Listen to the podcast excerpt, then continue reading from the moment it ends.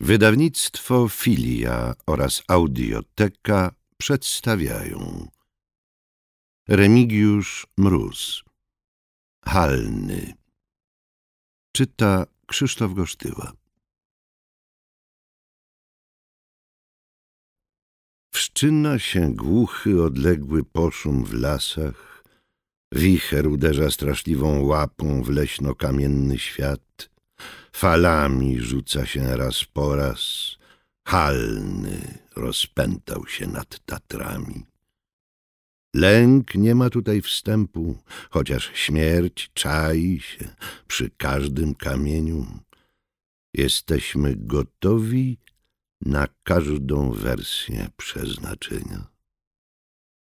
Jalu Kurek Świnia skała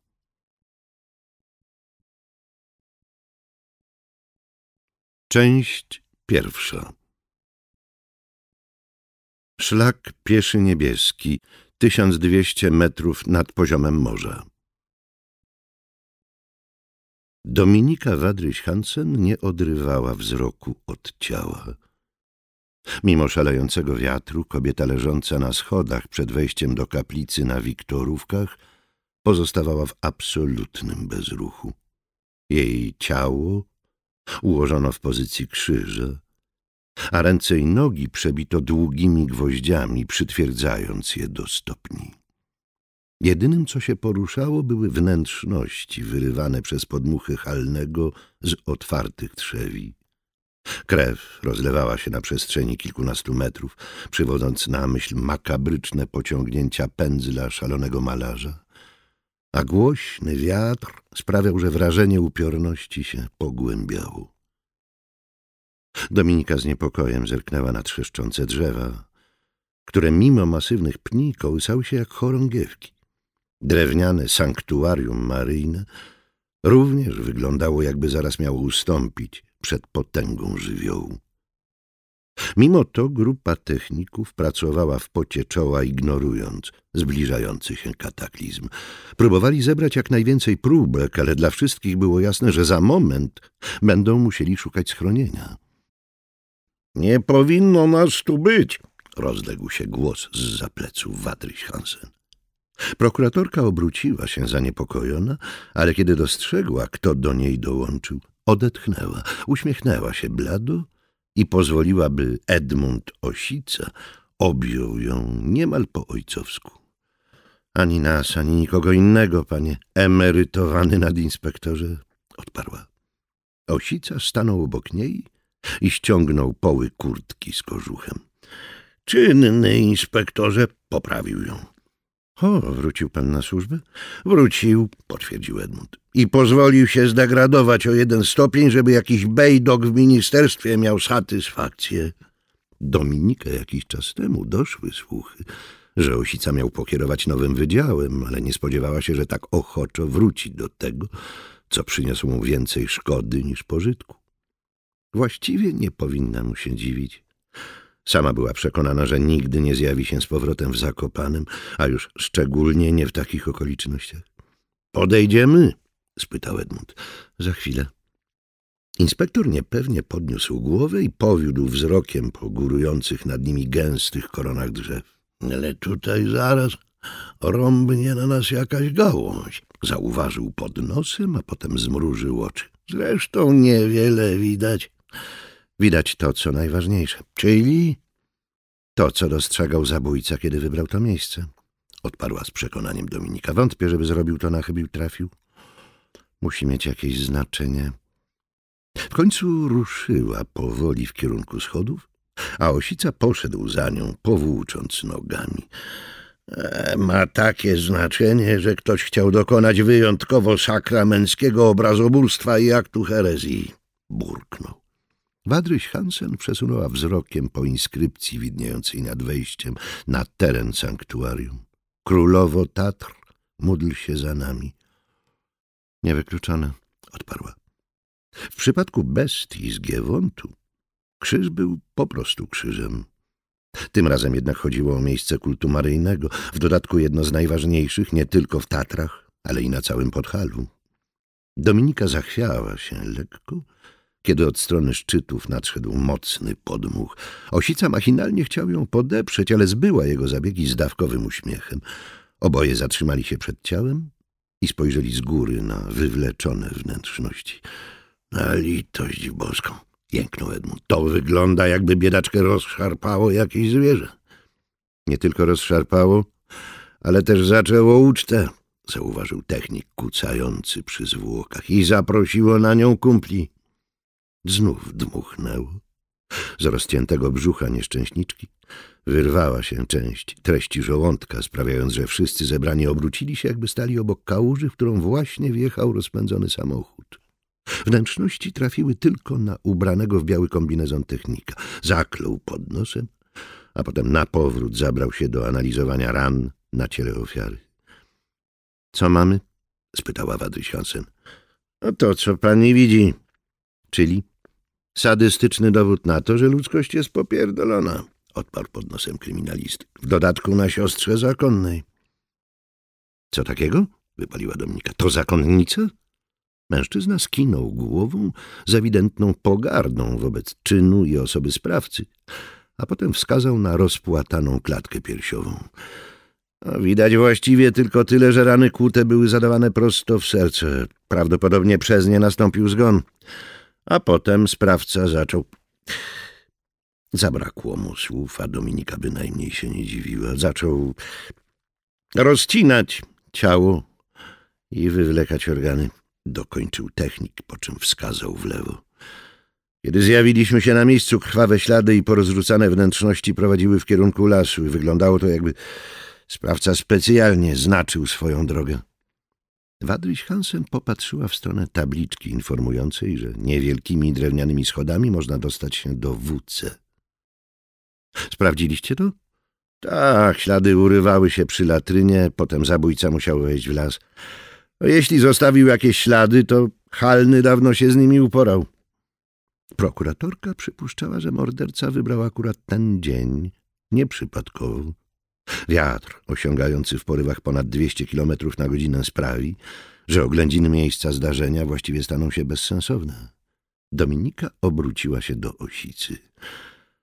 Czy da się wcześniej przewidzieć, kiedy wystąpi Halny? No jak zapyta pani Cepra, to powie, że nie. Zawsze go zaskoczy w górach, a potem... Dlatego pytam pana. Edmund mruknął coś niezrozumiałego i skinął głową. Ze dwa dni wcześniej, wiadomo, odparł. Sprawca mógł spokojnie się przygotować. Wadryś Hansen skrzyżowała ręce i potarła ramiona. Czuła przenikający ziąb, Mimo, że po latach doświadczeń w górach tym razem była całkiem nieźle przygotowana. Miała bieliznę termoaktywną zapewniającą odprowadzanie wilgoci, na niej warstwę termoizolacyjną, dzięki której nie traciła ciepła, a na to wszystko jeszcze kurtkę chroniącą przed wiatrem. Mimo to odnosiła wrażenie, jakby ktoś wrzucił ją do lodowatej wody. — Wszystko w porządku? — odezwał się Osica. — Tak — odparła czym prędzej Dominika i schowała ręce do kieszeni. Po prostu byłam przekonana, że takie rzeczy mamy już dawno za sobą. Oboje spojrzeli na rozbebeszone ciało przed kaplicą. Kiedy Forst dopadł Georda, podjęła. Sądziłam, że to koniec. Koniec całego sukieńszyństwa na świecie? spytał z powątpiewaniem Edmund. To chyba niewykonalne. Chyba rzeczywiście nie. Jedno zło rodzi drugie a społeczeństwo, które raz go zazna, nigdy się z niego nie wyleczy. Wadryś Hansen popatrzyła na inspektora bez przekonania. Wzruszył ramionami, jakby była to najstarsza i najbardziej oczywista mądrość ludowa. No, mówię tylko, że to, co się tu stało, to logiczna konsekwencja. Dodał, wynika z tego, co zrobił Georg Hansen. Oczywiście miał rację. A Dominika była tego świadoma, od kiedy tylko otrzymała informację o tym, co odnaleziono przed wejściem do kaplicy. Morderca chciał w mniejszym lub większym stopniu powtórzyć makabryczne grzechy bestii z Giewontu, wzbudzić taki sam, a może nawet większy szok i wywołać głęboki strach w każdym, kto usłyszy o zabójstwie na Wiktorówkach. — Wie pani, co nam pozostaje do sprawdzenia? — odezwał się Osica. — Wiem. Oboje zbliżyli się do kobiety i przykucnęli przy niej. Miała nieco ponad trzydzieści lat. a jej martwa, pobladła twarz odznaczała się delikatnymi i łagodnymi rysami. Z jakiegoś powodu sprawiały, że cała ta scena robiła jeszcze bardziej nieludzkie wrażenie. Dominika założyła lateksowe rękawiczki, a potem ostrożnie odciągnęła żuchwę ofiary. Osica skierował do gardła snop światła z latarki i oboje starali się wypatrzeć jakikolwiek refleks. Na próżno. Może przesadzili, może niepotrzebnie zakładali najgorsze. Owszem, zabójstwo było okrutne, ale to nie znaczyło, że sprawca zamierza rzucać rękawicę Giordowi, pobić go w okrucieństwie czy skopiować jego modus operandi. Morderca mógł zwyczajnie realizować własne, niezwiązane z Eliaszem, chore żądze. I nic? spytał Osica. Dominika wsunęła palce głębiej w gardło dennatki. Nic. Dzięki Bogu. Wiatr świszczał między drzewami, budząc u Wadryś Hansen skojarzenia z gwiżdżącymi demonami lub górskimi bóstwami, które czekają tylko, by z pomocą halnego pokazać śmiertelnikom kruchość ich istnienia. Ostatnie, czego nam trzeba, to naśladowca albo kontynuator myśli Hansena, dodał Edmund. A tak przynajmniej... Proszę poczekać. Na co? rzucił z niepokojem Osica. Prokuratorka w końcu coś poczuła. Twarde, niewielkie ciało obce. Zbyt duże na kawałek zęba, ale chyba też zbyt małe jak na monetę. Zanim zdążyła wyciągnąć przedmiot, zadeło tak mocno, że niemal straciła równowagę, a głośny trzask więźby w konstrukcji sanktuarium sprawił, że Wadryś Hansen machinalnie osłoniła głowę. Drzewami otaczającymi niewielką polanę szarpało już tak mocno, że dłuższe pozostawanie bez schronienia było właściwie proszeniem się o tragedię. Starczy tego dobrego, powiedział Edmund. Czas zabierać to ciało do środka. Moment. Dominika na powrót sięgnęła do upiornie rozwartych ust i starała się znaleźć niewielki przedmiot w krtani. Nagle po polanie znów przetoczył się silny podmuch, jakby natura się buntowała, nie chcąc pozwolić, by Wadryś Hansen bezcześciła zwłoki. — Pani prokurator! — odezwał się technik. — Inspektor ma rację, pora na nas! Porywy halnego zwalały się na nich jak fale, przywodząc na myśl raczej sztorm na otwartym morzu niż wiatr w górach. Dominika wciąż nie potrafiła odnaleźć przedmiotu. Wsunęła rękę głębiej, starając się nie myśleć o tym, jak rozpycha przełyk. Albo się schowamy, albo zaraz będzie tu znacznie więcej zwłok, dodał kryminalistyk. Jakby na potwierdzenie jego słów, tuż przed wejściem na polanę rozległ się głośny trzask. Jedno z drzew nie wytrzymało starcia z halnym i gigantyczna gałąź runęła prosto na szlak. Zanim Wadryś Hansen na dobre to odnotowała, rozległ się kolejny, tym razem jeszcze głośniejszy łoskot. Jeden z pni pękł z hukiem, a drzewo zwaliło się prosto na tabliczkę z apelem do Matki Boskiej. W okamgnieniu rozpętało się piekło. Wiatr wiał tak głośno, że nie sposób było usłyszeć osoby stojącej obok, a tumany wnoszonego kurzu i piachu utrudniały zobaczenie czegokolwiek. Osica złapał Dominikę pod rękę. Idziemy! Polecił, starając się przekrzyczeć szalejący wiatr. Wadryś w końcu poczuła to, czego szukała. Potrzebowała jeszcze tylko chwili. Pani prokurator! Zignorowała to, chwytając mocno za skraj przedmiotu. Czuła, że zablokował się gdzieś w przełyku, więc szarpnęła z całej siły. Wyrywając dłoń z ust nieboszczki, poczuła, że wybiła jeden z przednich zębów. Miała jednak to, czego szukała. Już! ryknął Osica, osłaniając oczy ramieniem. Zabierać ciało! Pociągnął Dominikę w kierunku drewnianej kaplicy, która bynajmniej nie jawiła się jako bezpieczne schronienie. Upewniwszy się, że prokuratorce nic nie grozi, natychmiast wrócił na zewnątrz, by pomóc pozostałym. Wady Hansen spojrzała na to, co wydobyła z gardła ofiary. Zrobiło jej się słabo. Miała to, czego szukała, jednoznaczne potwierdzenie. Przesunęła palcem po awersie, oczyszczając go ze śliny i krwi, a właściwie nawet nie musiała tego robić, by zrozumieć, co trzyma w dłoni. Nie był to niespotykany, wybity na daną okazję numizmat, wprost przeciwnie, monetą, którą zabójca umieścił w krtani ofiary, była zwyczajna złotówka. Opadła bezsilnie na jedną z ławek przed ołtarzem. Pochyliła się i zwiesiła głowę. Nie słyszała wściekle wiejącego halnego, nie docierały do niej wykrzykiwane polecenia i ponaglenia. Wbiła wzrok w drewnianą podłogę kaplicy i trwała w bezruchu. Ktoś postanowił na nowo realizować wynaturzoną misję Giorda. A może nawet więcej przebić to, czego dopuścił się Eliasz. Dominika wzdrygnęła się na samą myśl. Ocknęła się dopiero na dobre, kiedy Osica do niej dołączył. Inspektor wsparł się na kolanach i dyszał ciężko, jakby właśnie przebiegł maraton. Ktoś zamknął drzwi do sanktuarium, ale dźwięk szalejących podmuchów zmalał tylko nieznacznie. Więźba nadal trzeszczała, jakby miała się poddać, a przeraźliwy świst zdawał się wydobywać z pomiędzy wszystkich desek w ścianach. Horror! rzucił cicho Edmund. Wadryś Hansen podniosła na niego wzrok. Horror dopiero się zacznie, panie inspektorze. Matko Boska, no niech pani tylko nie mówi. Odburknął i zrobił krótką pauzę. Znalazła pani monetę? Dominika powoli skinęła głową. Wszystko zacznie się na nowo. Przypuszczała, że Osica będzie od razu chciał zobaczyć numizmat, ten jednak milczał, patrząc na nią z niepewnością. Coś było nie w porządku. Inspektor od razu powinien zainteresować się tematem. Proszę mi powiedzieć, zaczął ostrożnie, to zwykła polska moneta? Złotówka? Wadryś Hansen zmarszczyła czoło. Wciąż trzymała ją w dłoni, nie było najmniejszych szans, by Edmund cokolwiek zobaczył. To bilon o wartości jednego złotego, powtórzył, najzwyczajniejszy na świecie. Wstała powoli, przypatrując się osicy. Skąd pan wie?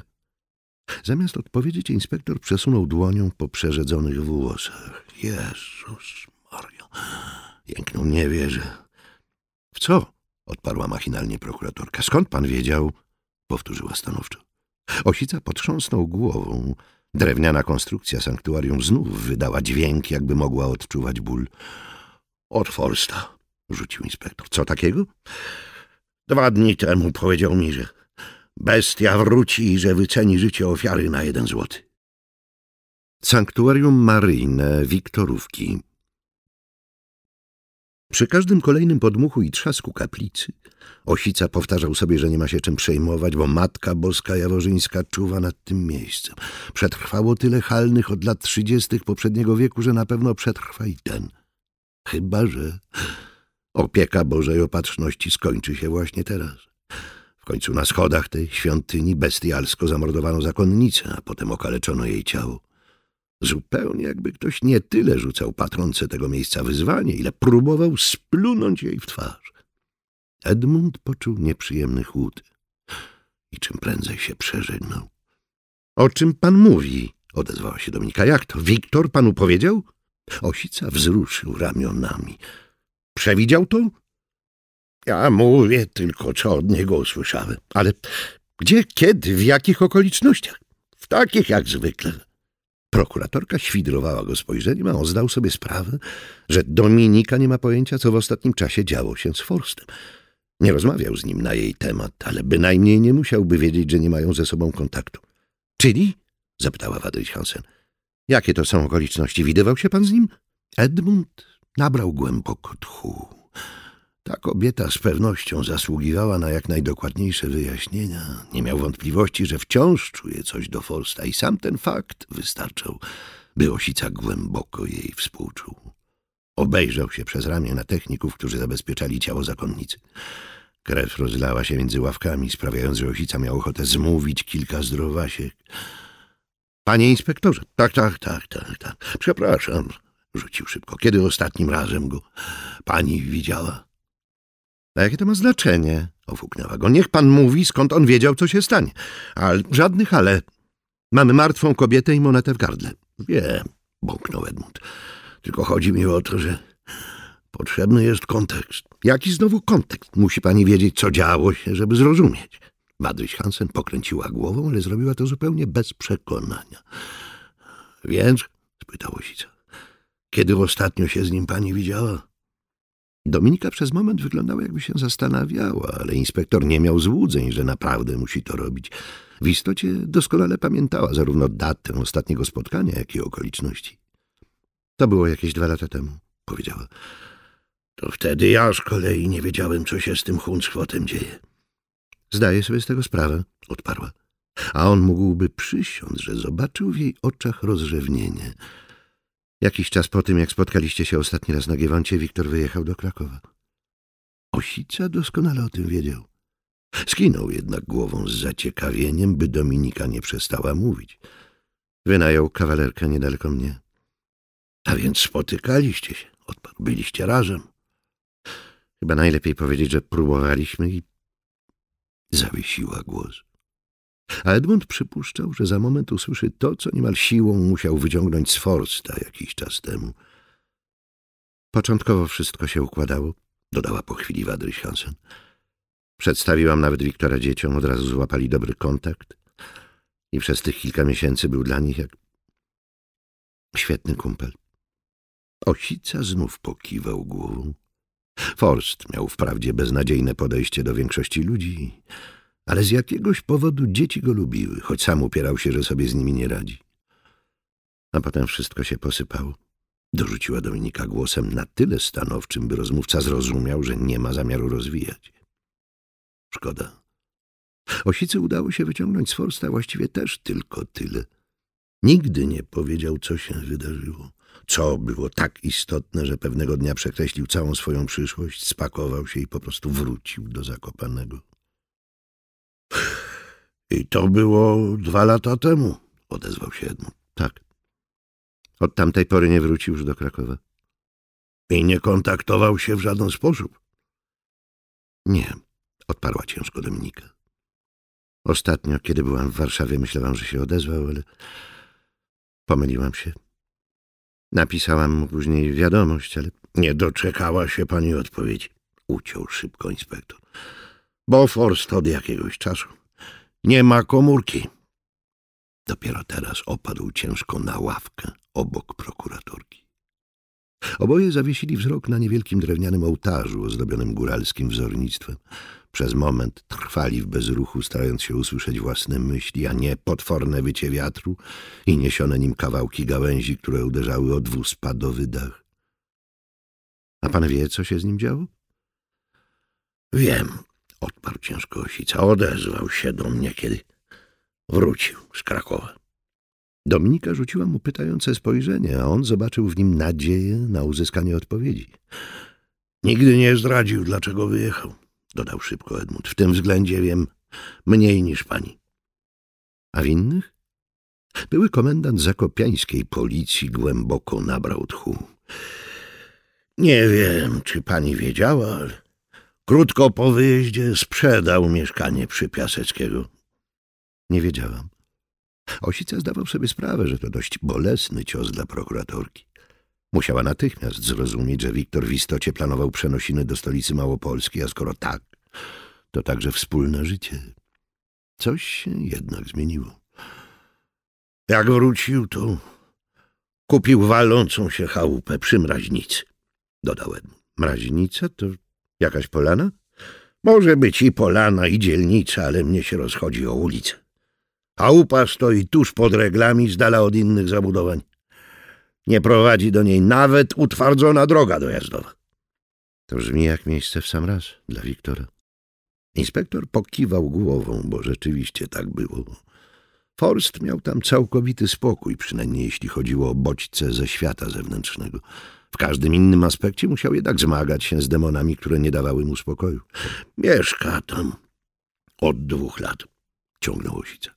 W kompletnej zgodzie z naturą, bo nie ma w tej chałupie prądu, wody ani ogrzewania.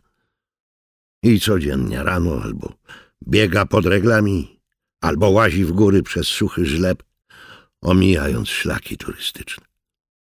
Wadryś Hansen milczała. I przygarnął jakiegoś znajdę zwykłego kundla. I to właściwie jedyne towarzystwo, jakie tam ma. Raz na tydzień czy dwa przyjeżdżam żeby sprawdzić, czy ten cymbał jeszcze dycha, ale nie zawsze mnie wpuszcza, no nie zawsze. Czasem udaje, że go nie ma. A czasem go w ogóle nie zastaje, bo jest w górach. Osica wciąż nie doczekał się żadnej odpowiedzi. Oderwał wzrok od figurki Matki Boskiej na ołtarzu i popatrzył na Dominikę. Zmierza pan do czegoś? spytała.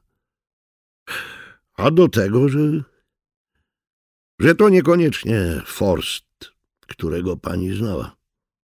I? I dlatego, kiedy dwa dni temu powiedział mi o tym, że bestia wróci i wyceni życie ofiary na jeden złoty. Cóż. Uznał pan, że zwariował, rzuciła prokuratorka. Zamiast zawiadomić mnie i obecnego komendanta. Osica kaszlnął chrapliwie i odwrócił wzrok. No to może nie zupełnie tak. Więc jak? No oczywista, że od razu zainteresowałem się sprawą, zadeklarował inspektor. Ale to, co usłyszałem, nie przekonało mnie, że cokolwiek jest na rzeczy. Wadryś Hansen przełożyła rękę nad oparciem ławki i wbiła wzrok w Edmunda. To znaczy? Rzuciła. Co pan od niego usłyszał? No, że spotkał w górach Jaśka Kikle z Bukowiny. Dominika ściągnęła brwi, jakby starała się stwierdzić, czy imię i nazwisko powinno jej cokolwiek powiedzieć. Przepraszam, ale to mag, wpadł jej w słowo osica. Czarownik. Słucham? Legenda mówi, że jako dziecko został porwany przez czarodziejów ze Spisza i wywieziony z Polski, a zanim skończył szkolenie, odnalazła go matka i zabrała z powrotem do Zakopanego. Mieszkał tutaj, targany na przemian złymi i dobrymi mocami, bo o czym pan mówi? No o tym, że Forst twierdził, iż gdzieś w dolinie za bramką spotkał maga, rozumie pani? Dominika się nie odezwała. I że ten mag przepowiedział mu, co się wydarzy. Pan sobie żartuje? Nie, odparł Sica i westchnął. I dlatego musiałem zarysować, co działo się z Forstem w ostatnim czasie. Zmienił się. Odciął się od realnego świata i bliżej mu teraz do... no do jakiejś dziwnej duchowości i bliskości z natury. Do kurwy nędzy niewiele brakuje, żeby zaczął mówić o duchach mieszkających w skałach. Rozumie pani? Chyba nie. No, kiedy przedstawiał mi to spotkanie z Kiklą, to mówił, jakby święcie wierzył, że dojdzie do kolejnego zabójstwa, wycenionego na złotówkę. A pan? Co ja? Nie uwierzył pan? Edmund parsknął z niezadowoleniem. A co pani by mu uwierzyła? spytał. Prokuratorka przez moment milczała. Obejrzała się na techników, którzy umieścili ciało zakonnicy w czarnym worku i usiedli w tylnych ławkach.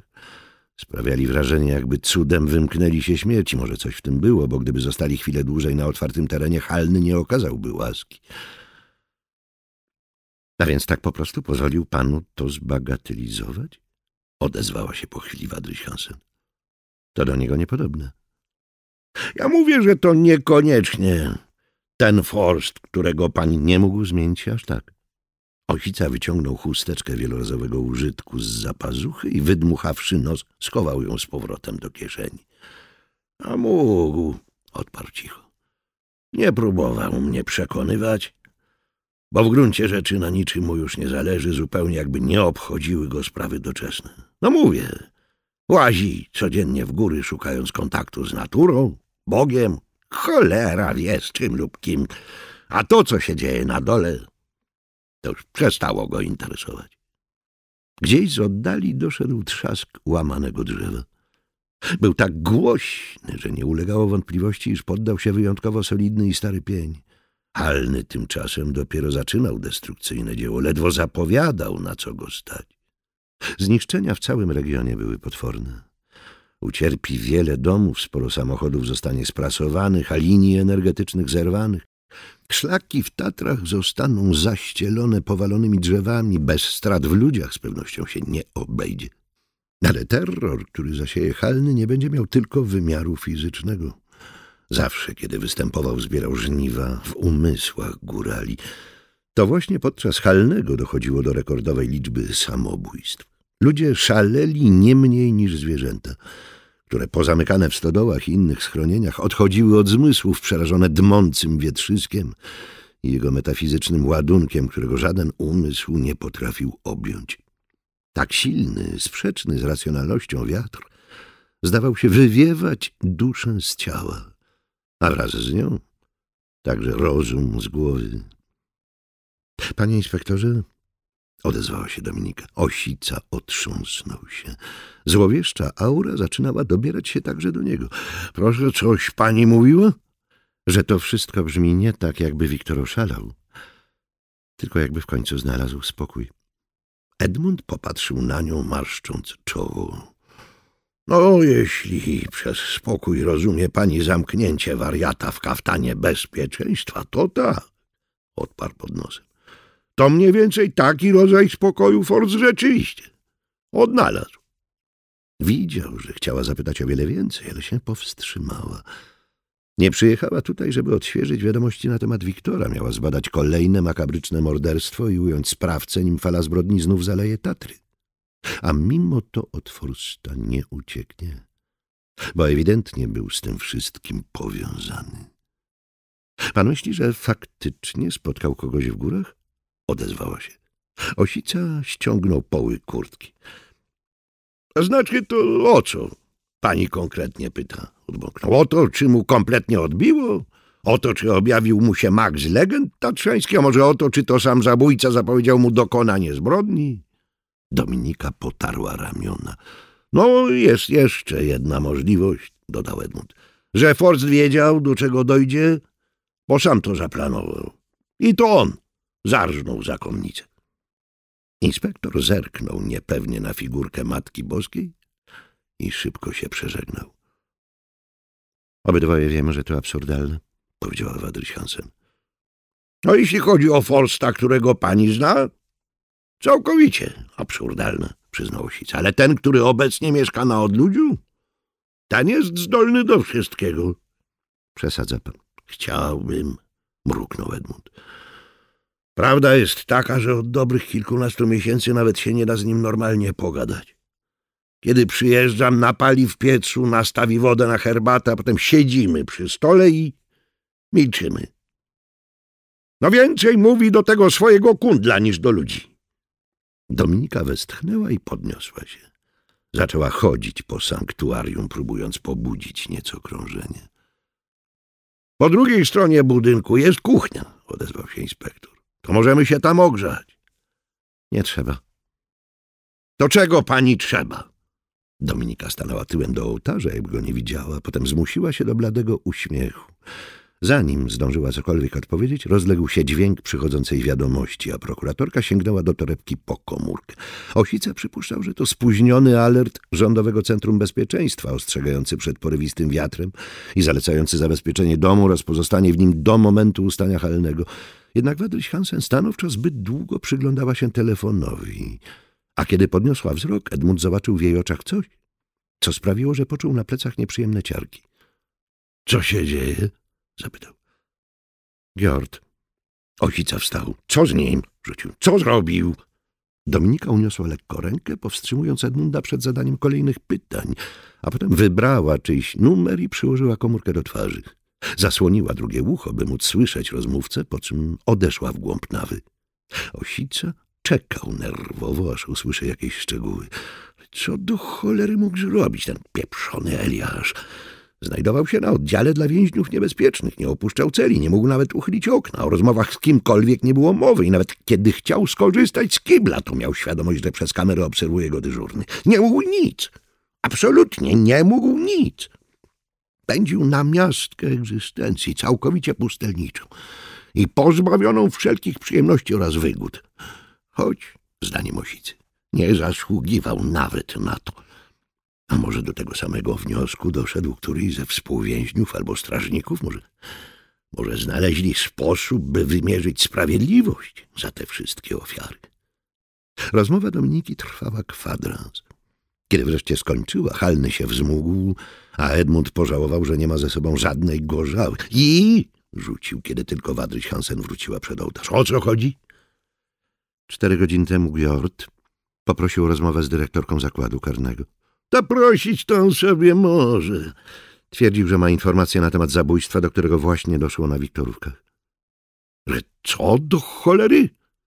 Dominika nabrała głęboko tchu, po czym spojrzała na technika, który kulił się w kurtce na jednej z dalszych ławek.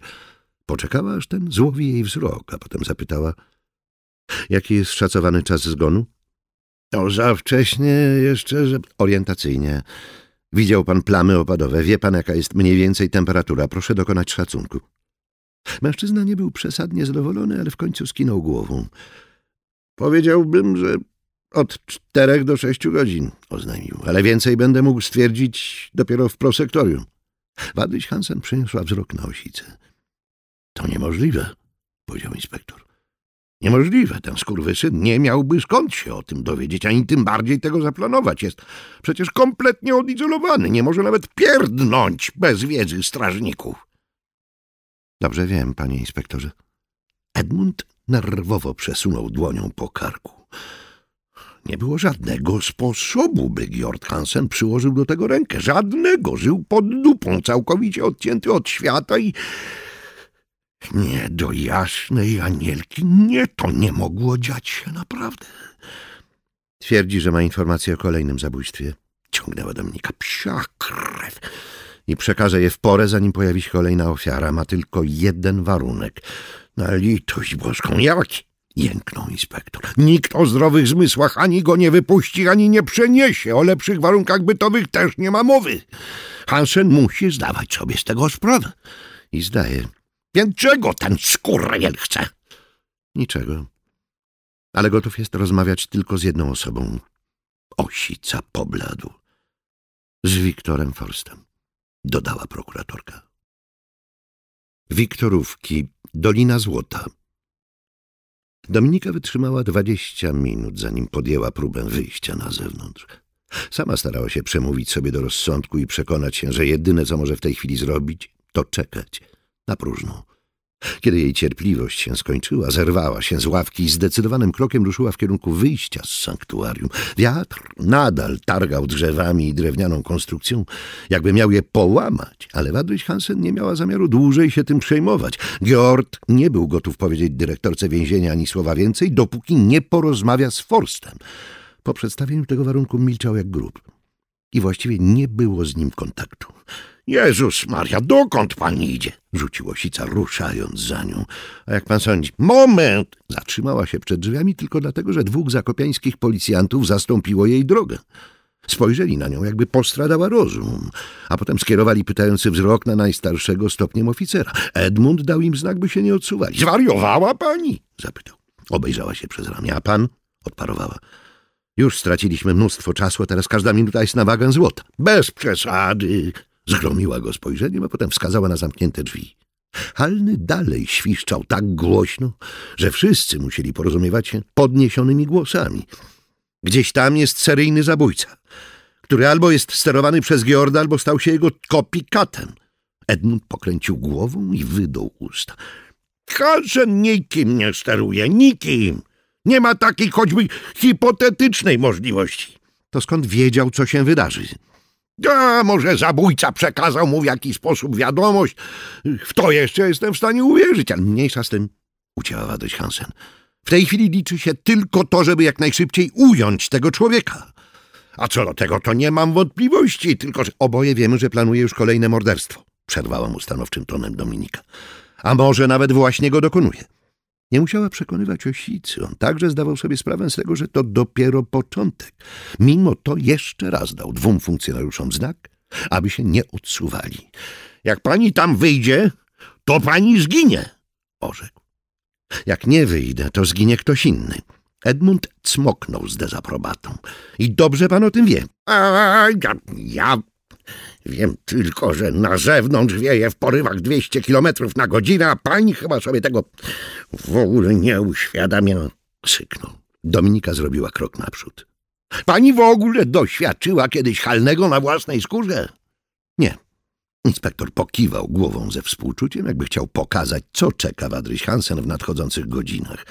To jest jak zasrana kołysanka diabła, oznajmił wściekły żywioł który szarpie za najciemniejsze struny duszy i z normalnego człowieka robi szaleńca, tak jak teraz z pani. Dominika nie miała zamiaru tego słuchać. Podeszła bliżej i wbiła wzrok w tego z funkcjonariuszy, który zdawał się mniej pewny siebie. Z drogi... — Pani się waż! — rzucił szybko Edmund do chłopaka. Pani prokurator w ogóle nie wie, co robi. Nie ma pojęcia, że kiedy halny zastaje kogoś na szlakach, to jest tylko jedna możliwość ratunku. Paść na glebę i czołgać się jak najniżej. Inaczej można żegnać się z życiem. Nagle rozległ się głośny trzask, a zaraz potem huknięcie, jakby gdzieś w okolicy eksplodował ładunek wybuchowy. Wszyscy machinalnie się skulili, a Wadryś Hansen powiodła zaniepokojonym spojrzeniem po dachu kaplicy. No i drzewo się gdzieś zawaliło, oświadczył Osica. Jak tam pani wyjdzie, to nie tylko usłyszy, ale i zobaczy kolejne. Jakoś sobie poradzę. Chce pani zginąć do cholery? Ja chcę ocalić ludzkie życia, panie inspektorze. Edmund zaklął pod nosem i rozłożył ręce. Chryste, panie, ta rozmowa przywodzi mi na myśl te, o których chciałbym naprawdę zapomnieć. Bąknął. Słucham?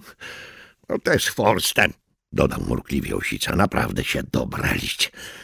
Miała ochotę powiedzieć mu, że bynajmniej się nie dobrali, ale znów rozległ się ogłuszający trzask, a całe sanktuarium zdawało się zatrząść.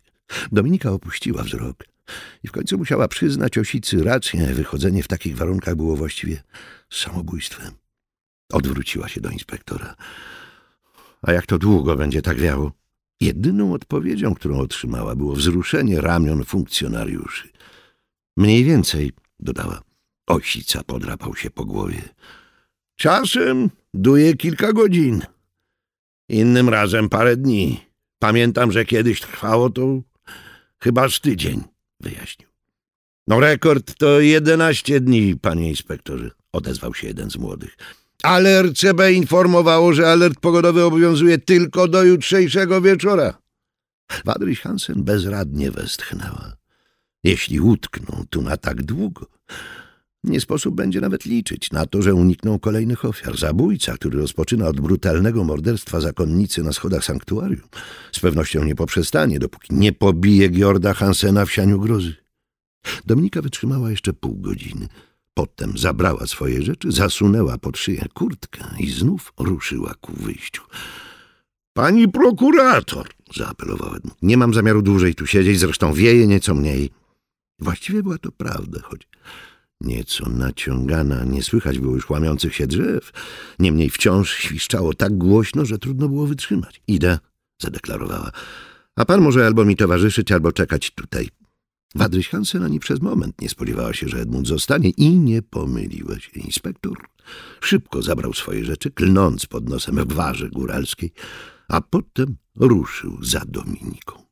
Ledwo wyszli na zewnątrz, zwątpiła w racjonalność swojego planu. A gdzie pani zaparkowała? zapytał Osica, pocierając ramiona. Wadryś Hansen wskazała w lewo, w stronę Rusinowej Polany. Na końcu zielonego szlaku. Przy drodze na Łysą Polanę? Chyba tak. No to jakieś trzy kilometry stąd, ocenił Edmund. W dodatku będziemy musieli przejść przez goły wierch. I? I moje auto stoi przy drodze Oswalda Balzera nieco bliżej. Można dojść tam bez wychodzenia na otwartą przestrzeń. Wystarczyło, że Dominika skinęła głową. Ruszyli niebieskim szlakiem w kierunku Małego Cichego, rozglądając się uważnie i nie mogąc pozbyć się wrażenia, że za moment zwalą się na nich wszystkie okoliczne drzewa. Raz po raz targały nimi podmuchy tak potężne, że pnie wyginały się, a z głębi lasu dochodziły niemal ludzkie, pełne bólu i agonalne jęki. Dominika starała się na nich nie skupiać, pokonując metr za metrem leśną ścieżkę.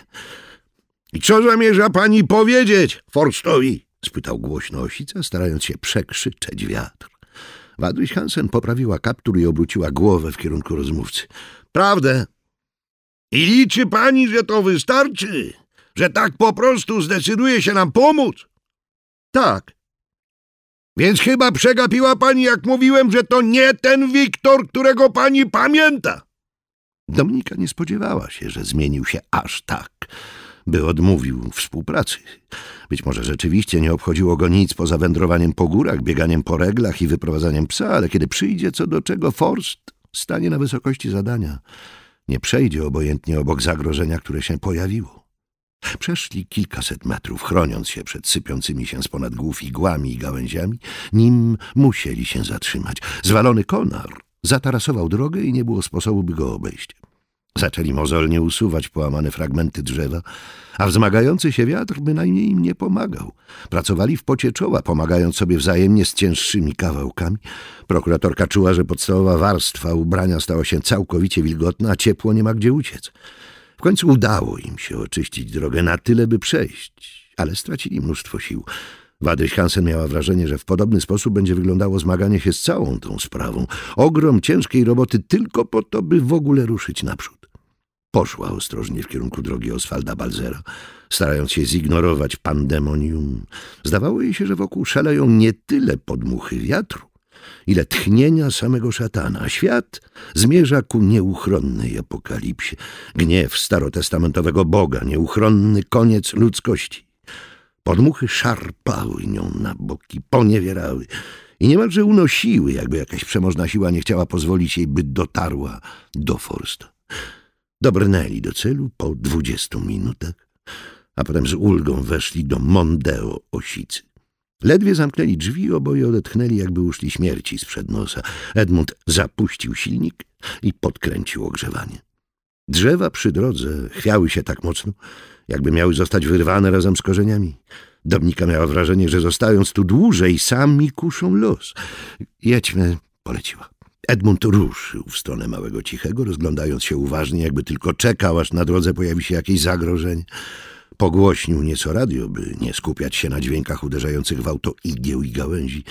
Wystarczyło, że odjechali kawałek od gór, a zrobiło się spokojnie. Nad Zakopanem zaczynało prześwitywać słońce. Wiatr zdawał się już nie demonicznym tworem, ale zwykłym elementem natury. Po dziesięciu minutach minęli jaszczurówkę, a potem przejechali przez centrum miasta i skierowali się ku Gronikowi. Na Mraźnicę dotarli pół godziny po opuszczeniu szlaku. Osica zaparkował na poboczu tuż pod lasem, po czym wskazał samotną drewnianą chałupę pod wejściem na regle. Miejsce rzeczywiście było dość odludne i doskonale pasowało nawet do tego Forsta, którego Dominika znała. — Nie ma drogi dojazdowej — odezwał się Edmund. — Ale mówi, że mu niepotrzebna. I chyba ma rację. — No ale przez to muszę targać zakupy przez pole. Prokuratorka rzuciła mu krótkie spojrzenie. To robi pan mu zakupy? A czasem, przyznał z niezadowoleniem Edmund. No musi przecież żyć jak cywilizowany człowiek. Wadryś Hansen skinęła głową i ruszyła przez polanę w kierunku otoczonej drzewami chaty. Przy tak silnym wietrze wydawało się, że stoi tylko cudem. Już z oddali było widać, że cała konstrukcja się przekrzywiła, drewno jest stare, a szyby w oknach trzymają się na słowo honoru. Drzwi, przed którymi stanęli, wyglądały, jakby można je było wyważyć lekkim kopniakiem. Osica zapukał, a potem odsunął się o krok. Czekali. Dominika nie była pewna, czego się spodziewać. Po tym, co usłyszała, mogła rzeczywiście mieć do czynienia z innym człowiekiem, ale jak bardzo innym. Jak wiele zmian mogło zajść w Wiktorze. Nie stało się nic, co tłumaczyłoby wielką metamorfozę. Wszystko, co najgorsze, było już dawno za nim. Edmund załomotał ponownie, tym razem również bez skutku. Force! Żadnej odpowiedzi. Inspektor obrócił się do Wadryś Hansen i rozłożył lekko ręce. No musiał gdzieś poleść, ocenił. Taką pogodę? A jemu to nie przeszkadza. Pewnie założył, że w najgorszym wypadku zginie. Burknął były komendant. W sumie niewielka różnica, bo co to za egzystencja? Dominika zapukała a potem zajrzała do środka przez zabrudzone okno. Wydawało się, że w domu nikogo nie ma. Forst! spróbował jeszcze raz osice. Nadal brak odpowiedzi. Wiatr odpuścił niemal zupełnie, jakby chciał dać wytchnienie przed kolejnym uderzeniem, a Dominika usłyszała ciche szczekanie psa z tyłu budynku. Wymieniła się z Edmundem krótkim spojrzeniem, po czym ruszyli na drugą stronę. Minęli winkiel i zobaczyła mężczyznę w czerwono-czarnej koszuli w kratę, który stał przy pniaku z siekierą w ręku. Odwrócony był tyłem, nie widział przybyszów. Uniósł narzędzie, a potem z impetem opuścił je na kawałek drewna. Wadryś Hansen z trudem przełknęła ślinę, czując się, jakby za moment miała odbyć najtrudniejszą rozmowę w życiu. Mały kundel znów zaszczekał. — Cicho, Aleks! — rzucił Forst, nie odwracając się, a potem usunął szczapę z pniaka i ułożył na nim następny kawałek drewna. Dominika zrobiła krok w jego kierunku. — Nazwałeś psa, Aleks? Wiktor obrócił się raptownie, jakby poraził go prąd. Zamarł z siekierą w dłoni, wbijając wzrok prosto w oczy Wadryś Hansen. Przez moment zdawał się nie rozumieć, co się dzieje, jak spłoszone zwierzę, które wypadło na drogę i natrafiło na długie światła pędzącego na nie samochodu. Forst milczał.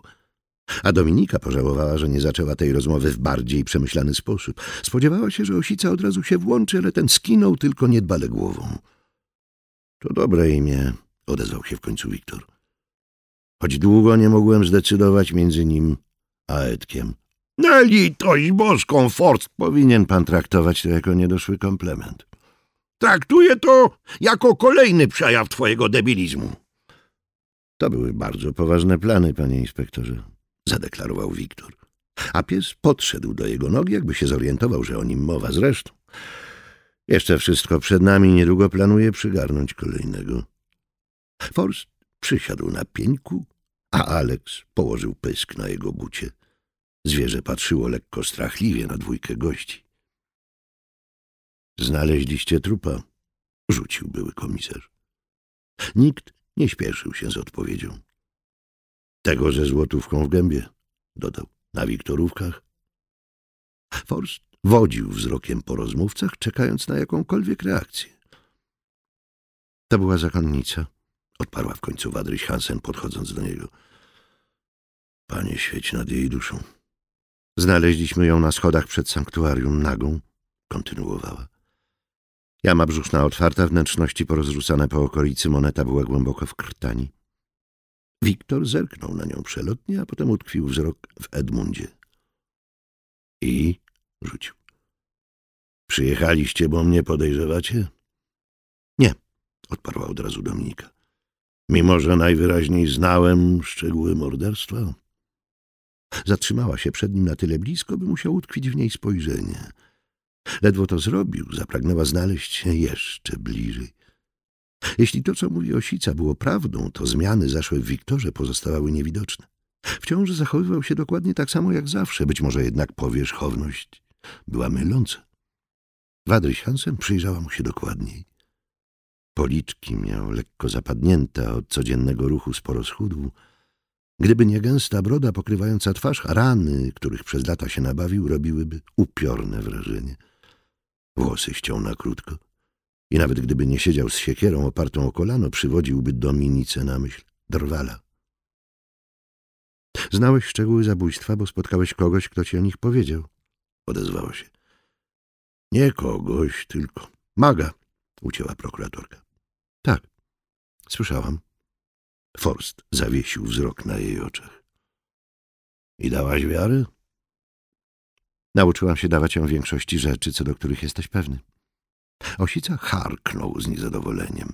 Tak, nawet wtedy, kiedy mówi, że spotkał Jaśka Kikle z Bukowiny, którego porwali magowie ze Spisza. Wiktor posłał byłemu dowódcy krótkie spojrzenie. To właściwie tylko jedna wersja. Inna mówi o tym, że byli z Turcji, zauważył. No to faktycznie zmienia postać rzeczy, Forst. A najprawdopodobniejsza o tym, że porwały go planetniki. Kto? spytała Dominika. Co? sprostował Wiktor, wbijając siekierę w ziemię. Złe duchy odpowiedzialne za nadejście burzowych chmur, to one dały mu moc uzdrawiania ludzi i przeganiania nawałnic, a oprócz tego potrafił przepowiadać przyszłość i najwyraźniej nie stracił tej umiejętności, skoro do licha ciasnego, a cóż to wszystko ma być? Uciął Osica. Sabałowe bajania, czy jak? Wiktor wzruszył ramionami, podniósł się i wskazał wzrokiem chałupę. Poprowadził ich do środka, a Alex cały czas trzymał się przy nodze Forsta, jakby mógł się zgubić. Kiedy znaleźli się w środku, Wiktor dorzucił szczapę do kozy i pogmerał w palenisku żelaznym pogrzebaczem. Potem zatarł dłonie, wskazał stary, podniszczony stół obok. Rozgośćcie się. Osica obrzucił izbę nieprzychylnym spojrzeniem. Niby gdzie? Bąknął. Chwilę zajęło Forstowi uprzątnięcie gratów tak, by dało się odsunąć od stołu więcej niż jedno krzesło. Oczyścił siedziska starą szmatką i zajął swoje stałe miejsce, z którego miał widok na nieodległe szczyty. Goście usiedli naprzeciwko niego. Dominika długo mu się przypatrywała. Wreszcie zapytała. — Ty naprawdę spotkałeś kogoś w górach? — Mhm. Ale nie sądzisz chyba, że to był naprawdę ten jasnowic czarownik. No dobrze, czarownik z Bukowiny. Prawy kącik ust Forsta lekko drgnął. A to już nie mnie oceniać, odparł. Ale nie sądzę też, że był to zabójca, którego szukacie. A dlaczego nie?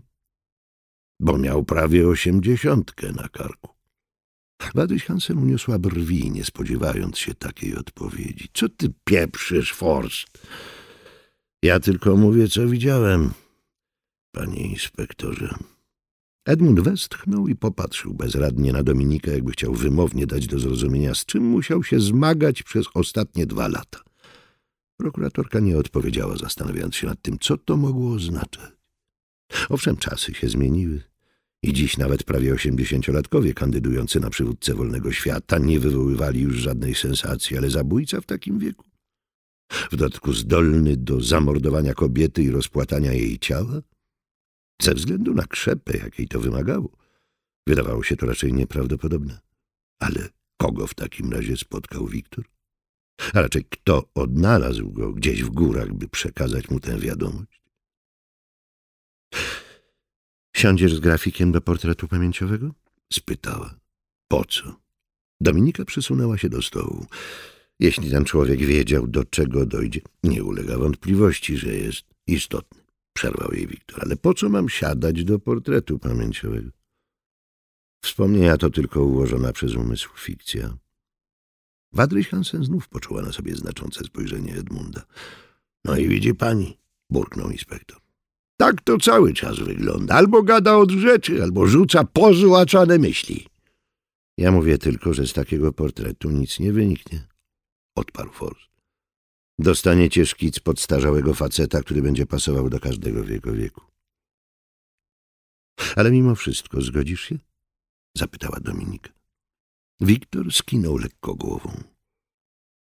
Pamiętasz może, co jeszcze powiedział ci ten człowiek? Dodała. Tak. Czekała, aż rozwinie, ale Forst sprawiał wrażenie, jakby powiedział już wszystko, co zamierzał przekazać. Osica miał rację, coś było z nim nie do końca w porządku. Nie trzymaj nas w napięciu do licha ciężkiego, Forst! Wiktor zerknął na inspektora i zaczął podwijać rękawy koszuli. Powiedział, że bestia wróci i zabierze czyjeś życie na Wiktorówkach, wyceniając je na złotówkę, oznajmił. I że wszystko będzie miało znaczenie. Czyli co? Nie sprecyzował. Noż kurwa mać fort! Mężczyzna mówił dość długo i oględnie, ciągnął Wiktor. Twierdził, że Bóg odzywa się wtedy, kiedy się tego nie spodziewamy i że pod stopami ołtarza moneta długo pozostanie nieruszona. Dominika i Edmund popatrzyli po sobie, a na koniec dodał, że uwięziono w niej to, co najbardziej uskrzydlone. Prokuratorka wyciągnęła telefon i zapisała to, co usłyszała. Przypuszczała, że prędzej czy później słowa te nabiorą większego sensu. — No i co to niby ma znaczyć? — rzuciło sica. — A tego to już nie wiem, panie inspektorze — odparł lekkim tonem Forst. — I bynajmniej mnie to nie interesuje. — Tak, więc od tak olałeś tę informację, że ktoś zginie? — No przecież przekazałem ją panu — mówiąc, że spotkałeś zasranego Jaśka Kikle z cholernej Bukowiny. Kiedy tak się przedstawił, Osica uniósł bezradnie wzrok. Uż, dobrze przecież wiedziałeś, jak to będzie brzmiało, syknął. I że potraktuje tak... To nie moja wina, że nie dał pan temu wiary. Inspektorze. A twoja, Forst, twoja, odparł inspektor. Bo kiedy mi o tym mówiłeś, sprawiłeś wrażenie, jakbyś się nachlał, naćpał i cholera Bóg jeden wie co jeszcze. Ja jestem czysty od dwóch lat, pięciu miesięcy i dwudziestu czterech dni. A niech cię chuj, ty! Osica urwał, kiedy Dominika cicho chrząknęła. Panowie, podjęła. Może skupmy się na konkretach. Widziała, że Wiktor nie ma zamiaru tego robić. Przekazawszy im wszystko, co usłyszał, uznał, że spełnił swoje zadanie. Znała go na tyle dobrze, by wiedzieć, że nie zamierza pomagać im w ustaleniu, co to wszystko miało oznaczać. Forst Poklepał siedzącego przy jego nodze kundla, a potem podniósł się i podszedł do żeliwnego pieca. Na zewnątrz wciąż wył wiatr, choć najgorsze podmuchy miały dopiero przyjść do Zakopanego. — Napijecie się może herbaty? — spytał Wiktor. — Nie — odparł Sica. — Skoro masz w dupie brutalne zabójstwo niewinnej kobiety, nie chcesz pomóc? Dziękuję, szkoda czasu. Forst skinął głową i przysiadł na starym kredensie, patrząc na rozmówców. Jego wzrok jasno informował, że nie ma nic więcej do powiedzenia. Edmund od razu się podniósł, a Dominice pozostało już tylko sięgnięcie po argument, który jakiś czas temu z pewnością przemówiłby do Forsta. Mamy naśladowcę Giorda. Odezwała się. Zdajesz sobie z tego sprawę, prawda? To już nie moje zmartwienie. Nie? To ty ująłeś bestię, to ty zakończyłeś krwawą serię i to na ciebie mamy prawo liczyć, kiedy ktoś stara się na nowo rozpętać piekło. Forst skrzyżował ręce na piersi. Ja już zrobiłem swoje. Wiedziała, że nie doczeka się niczego więcej. Owszem, Wiktor pomoże im w stworzeniu portretu pamięciowego, podyktuje do protokołu wszystko, co usłyszał, ale nad tym koniec. Dominika wstała i zasunęła krzesło. Kiedy stałeś się taki zobojętniały na wszystko? zapytała. Nie stałem się. To po prostu nie moja sprawa. A czyja? Wasza, odparł szybko. Ewentualnie będących na służbie aktywnych komisarzy policji. Ja do takich nie należę. Rozplótł ręce i ruszył do niej. Aleks wciąż nie odstępował go na krok. Poświęciłem temu życie. Dodał nieco ciszej, jakby chciał rozmawiać wyłącznie z nią i łudził się, że dzięki temu osica nie usłyszy. A raczej zmarnowałem je na tym, a teraz po prostu chcę spokoju. Edmund harknął głośno. No to raczej bym na to nie liczył, oznajmił. Bo jest jeszcze ktoś, kto wiedział o tym morderstwie, zanim się wydarzyło. Forst zerknął na Wadryś Hansen. Zasrany Eliasz, dodał inspektor. Mniej więcej w czasie, kiedy zabójca rozbebeszył siostrę zakonną na schodach sanktuarium, Hansen poprosił o widzenie z dyrektorką zakładu karnego i wtedy oznajmił, że na Wiktorówkach właśnie doszło do morderstwa. Były komisarz się nie odzywał. Ty rozumiesz, o czym mówię, Forst? Że to nie jest przypadek zwykłego naśladowcy. Jakimś cudem Gjord nim posterował. Przecież oboje wiecie, że to niemożliwe. A widocznie znalazł sposób. Nie ma mowy, uparł się Forst. Jest pilnowany 24 godziny na dobę. No to niby jak się o tym dowiedział, co? Odwiedził go ten twój Jasiek Kikla, czy jak? Wiktor zmrużył oczy. Wciąż patrzył na Dominika. Ona w milczeniu analizowała jego zachowanie. Znała dobrze każdy gest, tik i wyraz twarzy. To, co teraz dostrzegała, napełniło ją niepokojem. Giord jest gotów gadać, ciągnął inspektor. Pod jednym warunkiem. Jakim? Że to ty się stawisz na widzeniu. Forst podniósł lekko głowy, a Wadryś Hansen znów zobaczyła to, co przed chwilą. Brak zaskoczenia. Wiktor nie był zdziwiony ani faktem, że Gjord jakimś cudem wiedział o zabójstwie, ani ultimatum, które postawił. Czegoś im nie mówił. I ewidentnie wiedział o tej sprawie znacznie więcej, niż gotów był to przyznać. To był bezpłatny fragment. Po więcej zapraszamy do aplikacji Audioteki